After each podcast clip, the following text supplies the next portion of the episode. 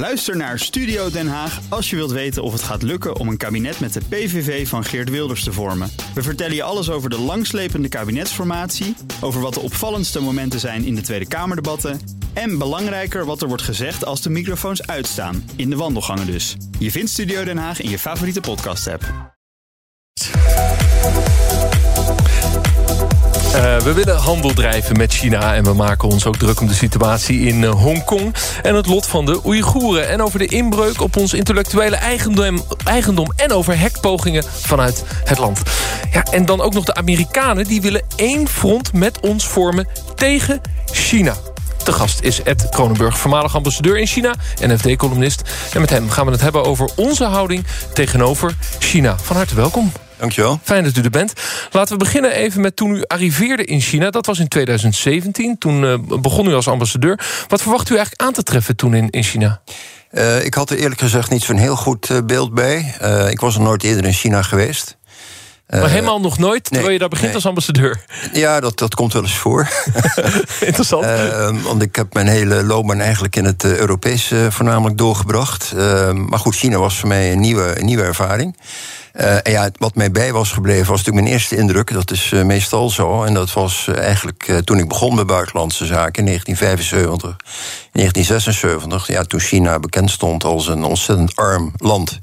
Waar enorm veel slachtoffers ook waren gevallen door de culturele revolutie.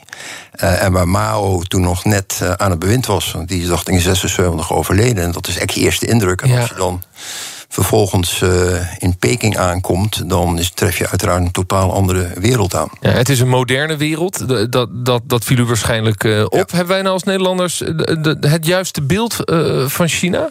Het is heel erg moeilijk om een juist beeld te krijgen. Hè, want eh, natuurlijk als je in Peking bent of in andere grote steden... dan is dat hypermodern, eh, ook vanwege de transportmogelijkheden... de luchtverbindingen, noem het allemaal maar op. En wij zijn ook wel delen in China waar het uiteraard nog niet zo ver ontwikkeld is. Dus het is een beetje een eh, gemengd beeld. Maar ik denk niet dat we in Nederland, althans ik had het niet... dus ik denk heel veel andere Nederlanders ook niet... eh, goed beeld van wat China is en wat het betekent. Ik had het ook niet hoor, toen ik daar op vakantie ging voor het eerst. En toen had ik er wel veel over gelezen Ja. natuurlijk. Hè, maar Ja. toen ik voor het eerst kwam, dacht ik ontzettend veel. Bijvoorbeeld elektrische scooters. Iedereen rijdt daar elektrisch. Klopt. Ver Ja. vooruit op ons. Ja. Ja, het is natuurlijk een enorm groot land, dus het heeft waarschijnlijk ook Ja. veel verschillende eh, gezichten. Eh, dan moeten we in ons gesprek toch een beetje focussen. Zeker als het over China gaat. Eh, we willen het hebben vooral over die economische uitdaging tussen Europa en China. Wat is wat u betreft het grootste punt wat we daarin eens moeten vastpakken met elkaar? Het grootste punt is dat je, wat ze natuurlijk in het jargon noemen, een, een level playing field moet hebben. Met andere woorden, wederkerigheid. hè, Dat wat de Chinezen bij ons kunnen, qua investeringen en, en deelnemen aan eh, zeg maar overheidsaanbestedingen en dergelijke, dat het ook is weggelegd eh, voor Europese bedrijven of voor Nederlandse bedrijven. Dat is eigenlijk het belangrijkste thema. Eh, dat is het al jaren. En ik, ik denk dat het investeringsverdrag dat we in principe hebben afgesproken met China, wat nu nog zeg maar, bij het Europese parlement ligt, daar een hele eind in tegemoet komt. Ja, nou, dat investeringsverdrag tussen China en Brussel... de ratificatie daarvan is opgeschort... Ja. vanwege de behandeling van de Oeigoeren Ja. door China. Althans, vanwege het feit dat de Europese Unie daar Ja. iets van vindt. Ja. Eh, vindt u het verstandig dat het op pauze staat? Nou, ik, ik denk dat het er toch van gaat komen. Eh, omdat eh, natuurlijk eh, heb je in een relatie ook te maken met kritiekpunten. En dat moet je ook zeker niet onder stoelen of banken steken. Maar handelsrelatie is natuurlijk ook belangrijk. En heb je ook voor een heel groot deel nodig. om juist die andere punten te sprake te kunnen brengen. Dus ik denk dat het uiteindelijk wel zover zal komen dat het akkoord zal worden goedgekeurd. Het zal nog wel even duren. Ja, wacht even, dan zegt u iets anders. U zegt het gaat er wel van komen dat we het Ja. goedkeuren. Of was u toch een beetje ehm, geïrriteerd over het feit dat de Europese parlement... Hè, want die hebben het stilgezet... dat die hebben gezegd eh, van ja, we gaan even niet verder praten... Ja. want we moeten eerst die mensenrechten kwestie met elkaar verbeteren en oplossen. Eh, Nou ja, goed, als je dat eh, volgeordelijk wil doen, en dat begrijp ik wel. Of dat er ook van gaat komen, is natuurlijk een heel ander verhaal. Eh, eh, want de vraag is in hoeverre China daar iets, eh, zich iets aan gelegen zal laten liggen in de, in de hele discussie. En het is natuurlijk iets dat tot beide voordeel strekt.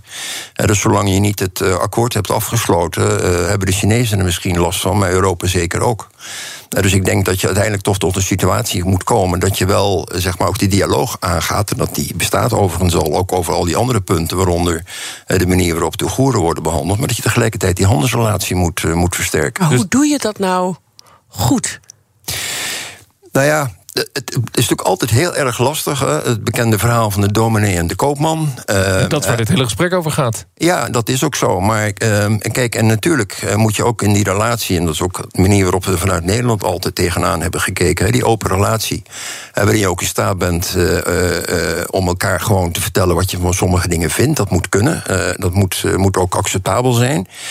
alleen de vraag is, ja, moet je dat van de daken schreeuwen, zeg maar... waardoor het voor de andere partij een stuk lastiger wordt... daarop te reageren? of moet je dat op een andere manier doen? En ik, ik weet uit mijn eigen ervaring dat door Nederland altijd, en dat geldt zeker voor bezoeken die we hebben gehad, ook van, van ministers en van, van de premier, dat ook de gevoelige onderwerpen werden aangekaart. Ja, dus u zegt in diplomatieke sfeer ja. achter gesloten deuren kun je die gevoelige onderwerpen echt wel aansnijden. Ja. Maar het zou nu voor de handelsrelatie verstandig zijn om wat minder scherp publiekelijk je uit te spreken over wat er gebeurt bij de Oeigoeren, zodat je die uh, investerings, uh, dat investeringsverdrag voort nou, kunt trekken. Ik, ik weet niet of dat, of dat invloed op elkaar heeft. Ehm, de vraag die je moet, moet stellen is: hoe kan ik het meest effectief zijn als ik daadwerkelijk iets aan wil kaarten dat gevoelig ligt? waar bereik ik het meeste mee? als als, het. Maar wat is het antwoord op die vraag? Beantwoordt u hem zelf? Nou, mijn, mijn antwoord op die vraag is dat je dat in ieder geval niet publiekelijk moet doen, omdat dat geen effect sorteert. Nee, dus datgene wat de Europese Unie en zeker het parlement dus ja. scherp gedaan heeft. Ja. Uh, dat, dat vond u lastig als diplomaat? Dat is ook ja, niet als lastig als diplomaat, want dat is de rol die ze spelen.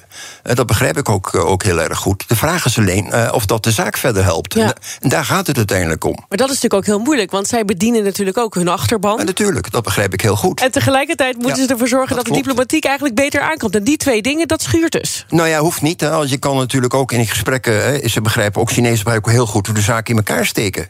dus dat, dat, dat, is op zich niet, niet, niet, zo, niet zo vreemd. Hè. Ook, niet, ook voor, voor een land als China. Die begrijpen heel goed dat een Europees parlement op die manier kan reageren. Natuurlijk. Uh, uh, alleen, voor mij is altijd de vraag, nogmaals, wat ik net ook heb gezegd, als ik een zaak zeg maar aan, aan, op de agenda wil plaatsen en wil bespreken, waar bereik ik het meeste mee? Ja, nou, één ander aspect wat ik nog graag met u zou willen bespreken, dat is de relatie met de Verenigde Staten. Want de Verenigde Staten is vanaf Trump, maar Biden heeft het, laten we zeggen, toch op een manier doorgezet. Ja. Het klinkt vriendelijker, maar de boodschap is hetzelfde. Ja. Heel scherp tegenover China geageerd. En Europa zit daartussen. En Europa moet dan wel zijn vaste Amerikaanse bondgenoot vasthouden. Dan wel zeggen, ja, wacht eens even, we hebben een eigen positie ten opzichte van China. En dan moet je je soms een beetje afzetten tegen het scherpe beleid van de Amerikanen. Hoe kijkt u daarnaar? Nou, je moet altijd je eigen plan trekken. Uh, zeker als het gaat om Zou Europa dat ook meer moeten doen dan dat ze nou nu ja, doen? dat gebeurt natuurlijk al. Uh, want uh, als je kijkt naar de resultaten van de G7-conferentie... waar natuurlijk China ook een van de hoofdonderwerpen was op de agenda... dan zie je toch dat voornamelijk uit Frankrijk en Duitsland allebei lid van de G7, dat toch wat, laat ik zeggen, gematigde uh, reacties zijn gekomen naar aanleiding van de opstelling van, uh, van Biden. En laten we, ons, laten we ons niet vergissen. Ik bedoel, Ierland gaat voor zijn eigen belang, ook de Verenigde Staten. Maar slaat u daar dan niet de spijker op de kop? Het feit dat Frankrijk en Duitsland gematigde reacties geven ten opzichte van Biden, mede omdat Duitsland met een zware auto-industrie zit, met 45% afzet ja. in, Amerika, in China, dat we juist als Europa veel meer één zouden moeten zijn in dat China-beleid. En dat we China niet toestaan dat ze bijvoorbeeld investeren in havens in Oost-Europese landen of in Griekenland, maar dat Duitsland gematigd is. Hoe, hoe kijkt u daar naar? Hoe moeten we nou als Europa dat doorbreken? Nee, kijk, als Europa uh, is het natuurlijk van belang dat je gezamenlijk optrekt. Maar laten we ons niet vergissen in Amerikaanse uh, belangen. Een aantal weken geleden, ik geloof dat het eind mei was, dus iets langer dan een paar weken geleden, stond op de voorpagina van Financial Times dat Goldman Sachs een joint venture had afgesloten met een van de belangrijkste Chinese banken. Ik bedoel, alleen maar om aan te geven dat het gewoon doorgaat. Uh, ongeacht wat er misschien van de Amerikaanse zijde soms wordt, wordt beweerd. Dus dat moeten we gewoon gescherpt in de gaten houden. Kijk, en op zich is er niks tegen Chinese investeringen in een haven. Ik bedoel, waarom? alleen de vraag is, en dat is natuurlijk nu wel heel duidelijk ook binnen Europa op de agenda geplaatst. we moeten wel in de gaten houden waar wordt geïnvesteerd en of dat in hoeverre dat in overeenstemming is met onze eigen belangen. Ja. terwijl vroeger werd het misschien veel makkelijker geaccepteerd. Er werd er misschien niet eens op gelet, zou je bijna kunnen zeggen. En nu is dat wel een punt. Dat investeringsverdrag, gaan we dat uh, ratificeren voor de kerst?